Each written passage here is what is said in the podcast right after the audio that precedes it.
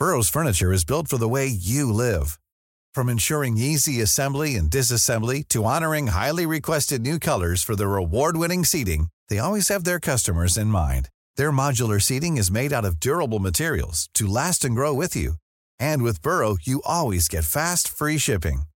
Get up to 60% off during Burrow's Memorial Day sale at burrow.com slash ACAST. That's burrow.com slash ACAST. burrow.com slash ACAST.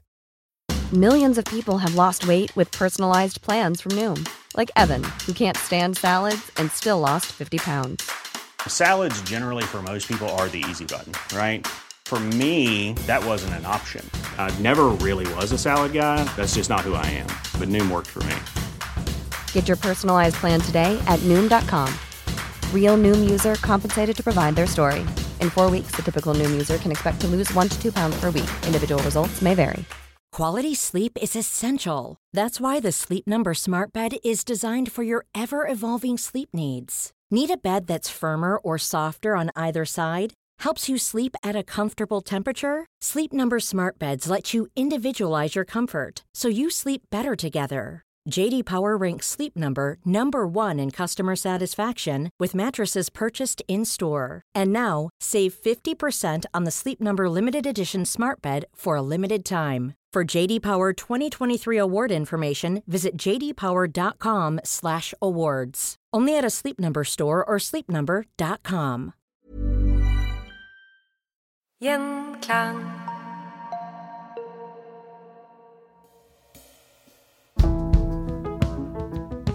Vi snakket jo litt om det i forrige episode, om eh, å fjerne bl.a. regnskapsførerlinja fra universitetet og, og oppmøteplikt. Det, det kan ikke se for meg at det går så bra i lengden, men eh, ja, ja. Nei, og Det er et problem med alle disse systemene. Sant? Du kan basere det på samvittighet. og Selv om 70-80 kanskje i en periode samvittighetsfullt stiller opp, så hvis du har 10% eller 20 som ikke gjør det, så skaper det for det første en enorm irritasjon blant de som er samvittighetsfulle. Eh, Men det gjør også at etter hvert så de 70-80 som, som, som er samvittighetsfulle, de kan synes, tenker de hvorfor skal jeg gjøre dette her hvis ingen andre gjør det. Eh, Men det er en mer rasjonell eh, altså det er, en, det er en sentralisert det er en eh, økonomi med mange tregheter og problemer. Men det, det er en litt mer rasjonell økonomistyring utover 78-tallet. Hvordan var det kulturelt? Ja, da, Som vi snakka om innledningsvis, så hadde du denne Du har en marginalisering eller en rommet for hva du kan, kan si og hvem du kan være, på en måte besnevra inn på slutten av 60-tallet. Og du får, Det fortsetter egentlig utover 70-tallet. Du har en periode som de kaller for de eh, fem grå årene. Noen sier at det er ti år og at de var svarte. Eh, med, som en periode med, med sterk marginalisering av kunstnere. da. Eh, kunstnere som ikke blir utgitt, som ikke blir snakket om. Forfattere, viktige, viktige folk. Og dette fører til en motreaksjon. Så Cuba er aldri helt sånn altså Det er alltid noen eh, kamper internt i systemet. Eh, og I 1976 så får du et kulturdepartement da for første gang. Eh, og Det er delvis et resultat av sterk misnøye, misnøye blant kunstnere og, og hvordan de ser at folk blir behandlet. Eh, Og Han som ble satt inn der som leder, han heter Armando Hart. Som var, han kommer opprinnelig fra en katolsk motstandsorganisasjon før revolusjonen. Han gikk inn i det eh, ortodokse partiet eh, som også Fidel støtter, da, eh, som er mot korrupsjon og sånn. Og Senere gikk han inn i Fidel Castros bevegelse, men han har en litt, litt annen bakgrunn. Han er likevel en av eh, Fidels folk. Eh, Men han blir på en måte sett på som en som kan gå inn i dialog med kulturlivet, han er mer tolerant osv. Eh, Du ser dette skjer eh, flere steder uten at det fører til de helt store endringene i samfunnet ennå. Men du ser det f.eks. i forhold til eh, homofili, som vi snakket om det ble avkriminalisert på slutten av 70-tallet. Eh, Ikke så mange år etter Norge, men det, på Cuba er det først, først og fremst en endring på papiret i starten. Det kommer det er flere lover som blir misbrukt til, til å f.eks. anholde homofile. Mm. Eh, Men det skjer. Det er et kontor som ble opprettet for seksualundervisning, hvor de inviterer inn eh, østtyske eh, rådgivere, fordi at Øst-Tyskland ble sett på som det mest homoliberale landet i, i østblokken. Eh, De ga ut en bok også som kanskje ikke hadde det helt store opplaget, men hvor det står at eh, eh, 40% av unge menn har homoseksuelle impulser. Og det skaper en motreaksjon da igjen, så de gir ut to nye bøker som er mer restriktive. Men du ser at det er på en måte en viss idékamp innenfor institusjonene. Mm. En annen skikkelse her som er interessant, det er faktisk koden til Armando Hart, som er like viktig i revolusjonen. Heidi Santa Maria. Eh, som var en annen som på en måte Fidel hadde eh, stor tillit til. Eh, og hun fikk drive noe som het Casa de las Americas, som stort bygg i Havanna som ser nesten ut som kirke. Og det er en veldig viktig kulturinstitusjon da, som publiserte ja, bl.a. litteratur som var forbudt i uh, USA-støttede diktaturer i Sør-Amerika, inviterte kunstnere derfra. Uh, men uh, de beskyttet også cubanske homofile i kulturlivet. Hmm. Hvordan er tilnærmingen til USA?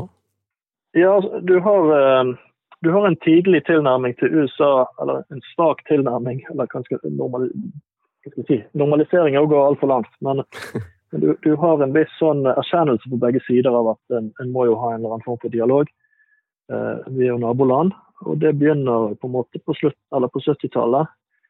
Eh, en bryter litt isolasjonen med Latin-Amerika også fra 5-76 etter flere forbindelser. Uh, særlig under Jimmy Carter, når han er president i USA, så har du en viss uh, tilnærming der. og en viktig ting der, som på en måte det kanskje folk husker fra perioden, det er at mange cubanere i eksil, som hadde dratt under tidligere over revolusjonen, de får dra tilbake til Cuba Eh, men eh, bare da på, på eh, ferie. Mm. Men de får besøke landet, og når de tar med seg da De har jo med gaver til familien og sånn på Cuba, og nye kassettspillere og videospillere, jeg vet ikke hva. Når folk ser disse nye forbruksvarene som Cuba på en måte ikke har hatt tilgang til, altså de har ikke fått den, den utviklingen, da. Så, så, blir det sagt at det er en av grunnene til at at du får denne migrasjonsbølgen i, i 1980 som skal bli veldig eh, dramatisk. Så det er lukket på Cuba, men i Sovjetunionen så åpner det seg gradvis utover 80-tallet med Gorbatsjov, perestrojka, glasnost og eh, ja, alt det. Hvilken effekt har dette på Cuba? Ja, De det litt sånn uh, ulike på en måte Det er ikke helt overlappende. da. Uh, for det på Cuba, det du har av, av, en viss åpning, det er på en måte på litt på 17, slutten av 70-tallet, og, og, litt også etter den uh, migrasjonsbølgen. Eller fra 1980, for da får du noe som heter ja, for I forhold til økonomisk åpenhet så får du noe som heter de frie jordbruksmarkedene, hvor en kan selge varer med det, altså Prisene blir fastsatt av tilbud og etterspørsel. Uh, litt uh, utenfor planøkonomien, på en måte. Det blir en lomme av markedsøkonomi på Cuba. Yes. Uh, det stenger Fidel Castro igjen, uh, omtrent akkurat når Gorbatsjov innfører sin åpning av økonomien og etter hvert åpning av ordskiftet. For han sier at det har skapt kapitalistiske verdier, egoisme, klasseskiller osv. Men, men der begynner det å åpne seg i Sovjet for fullt, selv om det også har hatt tidligere perioder med det under Khrusjtsjov som begrenset åpning. Eh, og da driver på en måte Cuba og Sovjet fra hverandre i den perioden, kan du si. For du har folk i kommunistpartiet på Cuba og i, kulturlivet. Eh, du har unge folk som er misfornøyd. Eh, du har studenter som har vært i Sovjet osv. som blir inspirert av dette Gorbatsjov-prosjektet og ønsker at Cuba skal kopiere det. Men Fidel Castro er veldig avvisende, og han antyder flere ganger at dette kan føre til at eh, Sovjet mer eller mindre kollapser, eller iallfall glir over i noe annet i kapitalisme. Når Cuba litt fanget i denne sovjetiske modellen, selv om det er egen regjering og sånn, så er de jo de er fanget i økonomisk, eh, et økonomisk avhengighetsforhold som er veldig sterkt. De har ingen veldig lite handel med den vestlige verden. Og de begynner å se, selv om ikke Fidel Castro vet at dette skal kollapse, han har jo ikke noen krystallkuler, og sånt, så ser de at det er tendenser der som på en måte kan føre til at, de kanskje ikke vil prioritere Cuba så mye. for Det skaper også konflikt i forholdet til USA, som vi prøver å få en viss tilnærming til USA. Eh, så de er nok litt redd for å bli ofret, eller i hvert fall for at de ikke skal få en så fordelaktig handelssituasjon fremover. Men de er jo avhengig av Sovjetunionen økonomisk, er det ikke det? Ja, de er totalt avhengig av Sovjetunionen på dette tidspunktet. Og det ser du også når Sovjetunionen faller. De mister 85% av utenrikshandelen, en helt ekstrem krise. 75 var Sovjetunionen og 10 var, var østblokklandene. Så her er det litt ulike vurderinger blant eh, på en måte på Cuba av Fidel Castros rolle. For på ene siden så og det er, det, Som alt så er det veldig motsetningsfullt. For det, det du ser, Sovjet de gir en hemmelig beskjed til Cuba, til myndighetene der i 1982, om at de vil trekke sin forsvarsgaranti. Altså at de ikke vil forsvare Cuba i en eventuell krigssituasjon. Mm. Dette er veldig delikat. Det kommer ikke ut på det tidspunktet, eh, selv om historikerne skriver om det nå. Eh, men da vet Cuba fra 1982, eller Fidel Castro vet iallfall, at her kan det eh, altså Sovjet ikke så forpliktet som vi, vi trodde de var. Så da kan en spørre seg hvorfor prøver ikke de da å bygge opp nye næringer eller finne på noe nytt. Men de er i et dilemma her. for det at Hvis de utfordrer Sovjet eller begynner å gå til andre land, så kan de sjøl bidra til å svekke på en måte forholdet ytterligere og, skape snakk om da, at det er en splittelse i, mellom sosialistland. Så de gjør noen ting. I 1982 så åpner de, de lager en lov for eh, utenlandsinvesteringer f.eks., men den blir bare liggende. det. Turisme åpner de for i 1987, men uh, hvorfor gjorde de ikke det før? Det var ideologiske grunner, antagelig. De var redd for påvirkningen det ville føre til. For Det, det kunne de ha gjort. Selv om USAs sanksjoner kan legge noen begrensninger, så kunne de ha gjort det. Så er det den ideologiske greien. Sant? De stenger disse jordbruksmarkedene og sånn, eh, i stedet for å åpne mer opp. På slutten av 80-tallet er 95% av alle cubanske arbeidere er ansatt i staten, noe som er helt ekstremt. Det er enda mer enn i, i østblokklandene på noe tidspunkt, så vidt jeg vet. Men iallfall på det tidspunktet. Og Fidel Castro han prioriterer det politiske. På en måte Her skal ikke vi ha konkurransementalitet, og sånn, her skal de stå samlet. Og også politisk kontroll. For hvis staten eier alt, så har de også en politisk kontroll over samfunnet. Men han prioriterer det politiske, så sånn sett så forbereder de seg ikke så godt. Men ideologisk kan du si at de forbereder seg litt. for de prøver forsiktig, veldig diskré, uten å fornærme Sovjetunionen, å løfte frem igjen. De lager sin egen fortelling. De sier OK, dere har laget deres reformer, så skal vi lage noen reformer òg. De heter eh, feilkorrigeringsprosessen. Veldig teknisk. Eh, prosessen for feilkorrigering av, eh, for korrigering av feil og og negative tendenser. Høres nesten ut som kinesisk slagord. Og Det handler mer, på, mer om å, å, å, gjenopprette på en måte sosialistiske verdier som en mener har gått litt tapt. Nå har det gått flere tiår. Er en ny generasjon, og folk begynner å bli lei. Mm. Uh, uten at de vender seg mot systemet. Det, det, er en, gryende uh, misnøye, særlig den yngre generasjonen. Uh, så da går en delvis tilbake til Che Guevaras prosjekt løfter han frem. Det er ikke tilfeldig at det kommer en bok om hans økonomiske tenkning da, sånn. eh, som er denne hyperidealistiske greien med eh, å involvere folk. Altså, du har en bevegelse av folk som bygger sine egne boliger. Du har eh, kampanjer hvor politikere dukker opp og på en måte skal slå ned på korrupsjon og feil lokalt. Og Fidel Castro blir mye tydeligere. Han vender mer tilbake til den karismatiske lederen til den populistiske latinamerikanske tegn. Mm. Og Hvis en ser på avisen som jeg har gjort, så ser en også at det er en dreining der kulturelt. Veldig diskré. En fornærmer ikke Sovjetunionen, men en skyver det litt sånn bakover i avisen. Det kommer gjerne på siste side istedenfor på forsiden, uh, iallfall helt på slutten av 80-tallet. Uh, en slutter å publisere rundt tidlig 1990 iallfall, som seiershistorier. Det kan være en og annen som dukker opp om en såpefabrikk i Polen som fungerer visstnok veldig bra. Eh, men en, en, en, en, lar leseren forstå at kanskje dette er ikke helt på topp, men uten å kritisere de eh, mm. veldig åpent, for da kan skape mer konflikt. Og En trenger disse seks milliardene eller hva det er som kommer, dollar som kommer hvert år i, i forsøket. Uh, så en, en, en, distanserer seg litt. Uh, du ser det også i TV. Jeg husker ikke om jeg sa det sist, eller om jeg noterte det til denne gangen. Uh, men, men ser, det er enormt mye amerikanske og vestlige filmer på TV. Du har hele tiden hatt litt, men, men, nå er det veldig mye. Det er to TV-kanaler på den tiden. men de sender veldig mye vestlig, vestlig film, og sånn, så, samtidig som systemer som er er akkurat som, som, det var før. med eh, Eller mer eller mindre akkurat som det var før. Men Vi vet jo uh, i dag at uh, Sovjetunionen uh, ikke varte evig. Hvordan var opptakten til det på Cuba? Nei, altså Du har denne gradvise greien hvor en glir fra hverandre, men så har du en periode særlig midtveis i 89 når det begynner å skje store endringer i Øst-Europa. og Eh, og, og utover mot eh, slutten av 1991, når Sovjet blir formelt oppløst. Eh, som, hvor det er mer sånn krisehåndtering, da. Og mer, man skjønner mer alvor i dette. Men, men en vet aldri helt utfallet, og det er nok folk som håper. Du, du, du kan se det også på hvordan institusjonene på Cuba reagerer helt forskjellig på, på perestrojka og sånne ting. F.eks. bibliotekene de diskuterer i 1987 om de skal gå over fra det vestlige katalogiseringssystemet Dewey til det sovjetiske katalogiseringssystemet. Så altså i 1987, like før Sovjet faller og Cuba på en måte må befinne seg alliert i Vesten.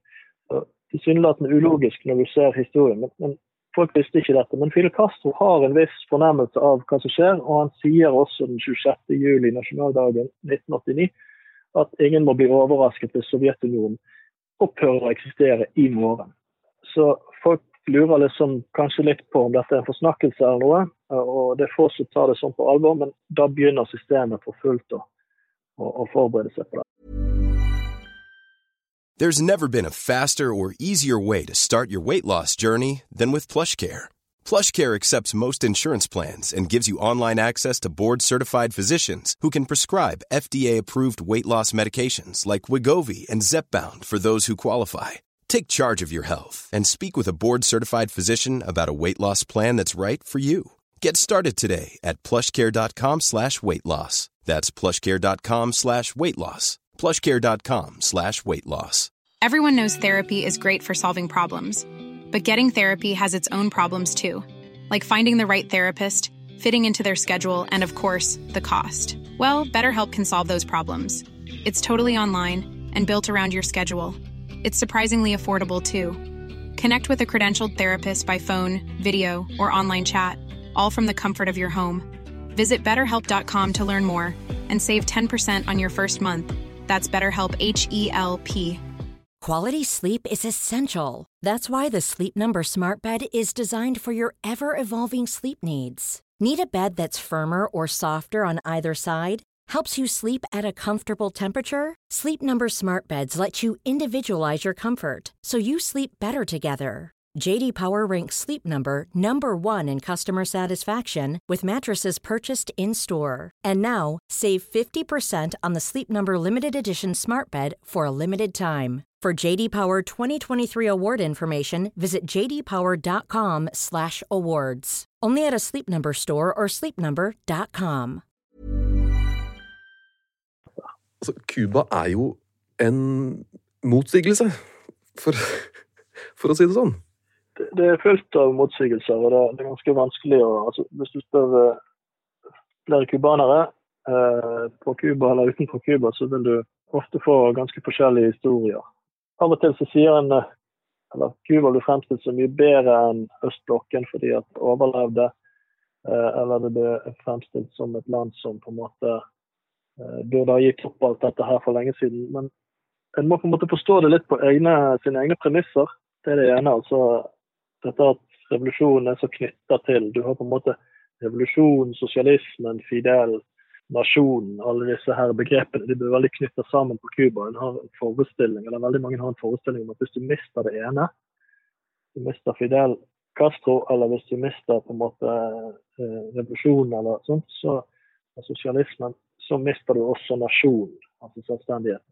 Det er selvfølgelig et element her av propaganda, men, men det er også en, en det er noe rasjonelt bak det også, fordi at du hadde hatt så mange som hadde prøvd å endre systemet uten å på en måte få det til. Men hvis du går litt sånn strengt frem og på en måte tar kontroll over hele økonomien, og, og sånn, så, så, er det på en måte lettere også å opprettholde et uh, nasjonalt selvstyre. Så et annet spørsmål hvor, uh, hvor demokratisk det er. Altså, det er jo åpenbart et uh, autoritært samfunn på veldig mange måter, men med noen innslag av noen vil kalle det radikalt demokrati, eller iallfall en, deltakelse. da Eh, du har ting som altså, jeg sa at 95% av økonomien er styrt av staten. Sant? Der gikk en lenger enn i østblokken. Men du kan også se på andre ting. F.eks. tolererte Cuba frimurerlosjen, som er et lukka samfunn i Østlandet, Så var de livredd for at bare noen få personer satte seg sammen og diskuterte noe som ikke de hadde oversikt over makthaverne. Uh, og her har de 14 000 medlemmer, selv om mange av de emigrerte også. Så, så fikk det gå videre. Uh, og du har altså det som er av kontroll og undertrykkelse. En god del av det, noe av det kommer fra staten, men en god del av det kommer også fra altså Det handler litt om modellen en innfører. Det er ikke nødvendigvis sånn at en tenkte at en skulle innføre alt dette her, men det bare ble sånn. Eh, for det var unge folk som eh, Og det var omstendigheter som gjorde at på en en ble så dratt inn i dette sovjetgreiene. Noe av det handler om at hvis du f.eks. Eh, nasjonaliserer hele økonomien, så får staten en veldig kontroll over folk nettopp med dette. Enten mm. med kan si opp folk osv. Du eier trykkerier, så du trenger ikke å forby ting. Sant? Du bare sier at OK, vi har ikke papir, f.eks. Men, men det, det, er en dobbelthet. F.eks. også nabolagskomiteer eh, som er etablert etter revolusjonen.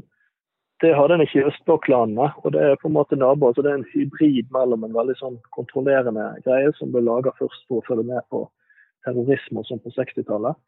Eh, og skulle avdekke dette, at naboene følger med på hverandre på en måte og varsler om det. Eh, og det, ble jo, det er fortsatt en politisk kontrollfunksjon der. Sant? De følger med, og Hvis du skal ha visse jobber, så må du gjerne ha et papir fra nabolagskomiteen på at du er en, en ryddig person. og sånn, Så det, det lever videre eh, i noen grad, selv om det er litt mer avslappet i dag eh, i mange sammenhenger.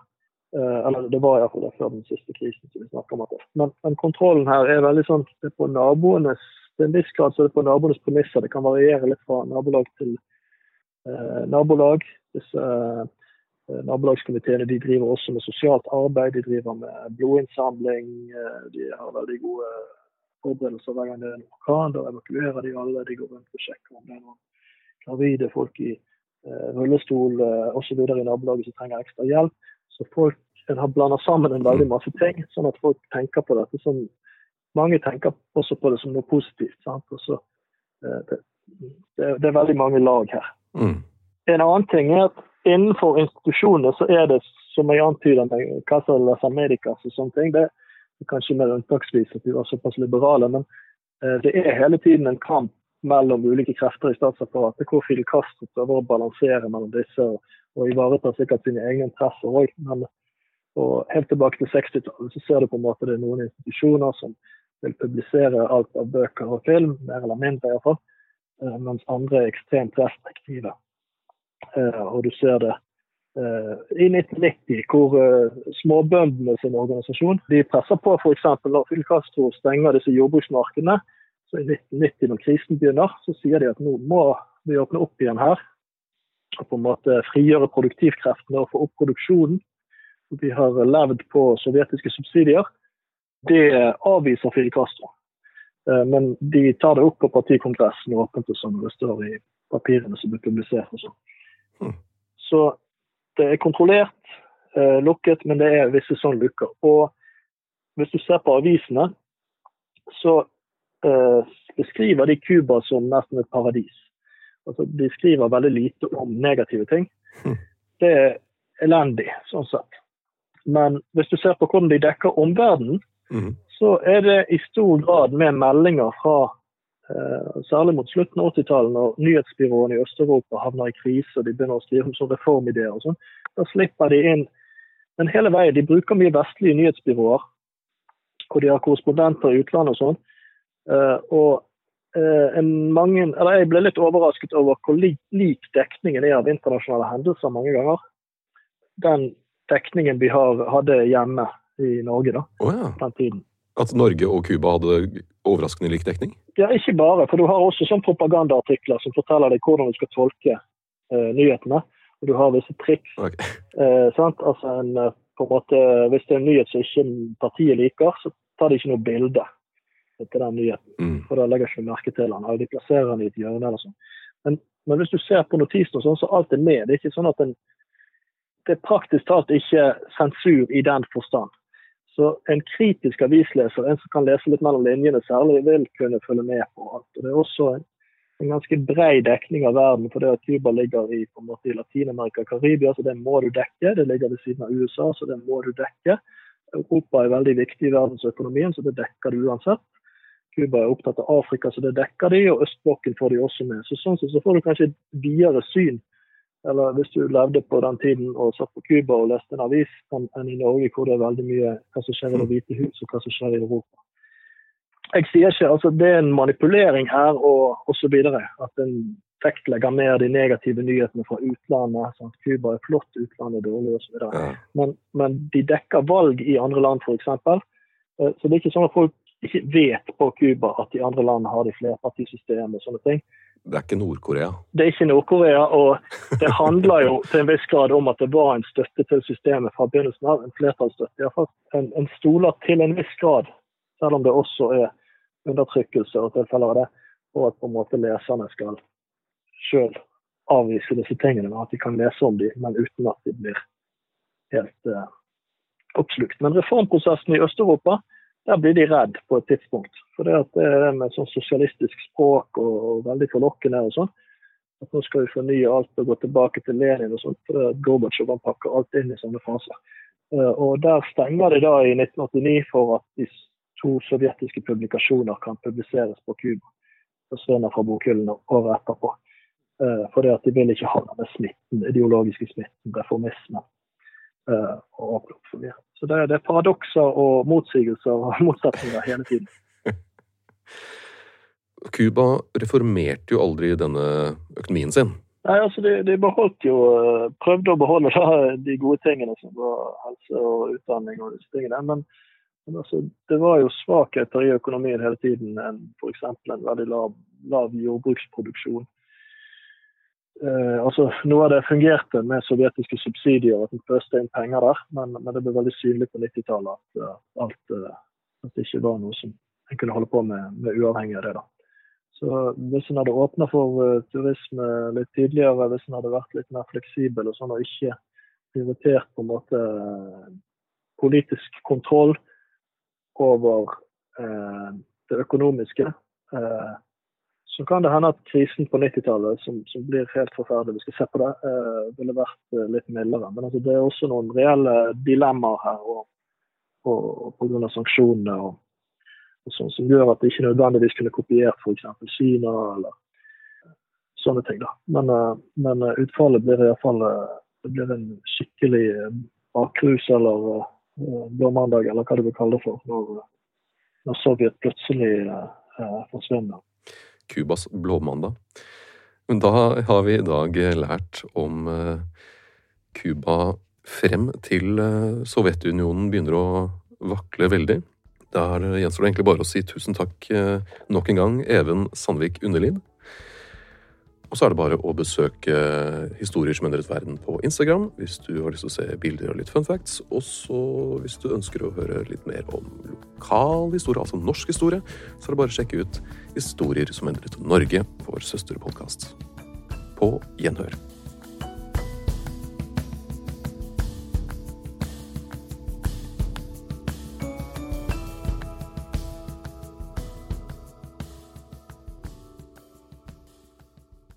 Gjenklang.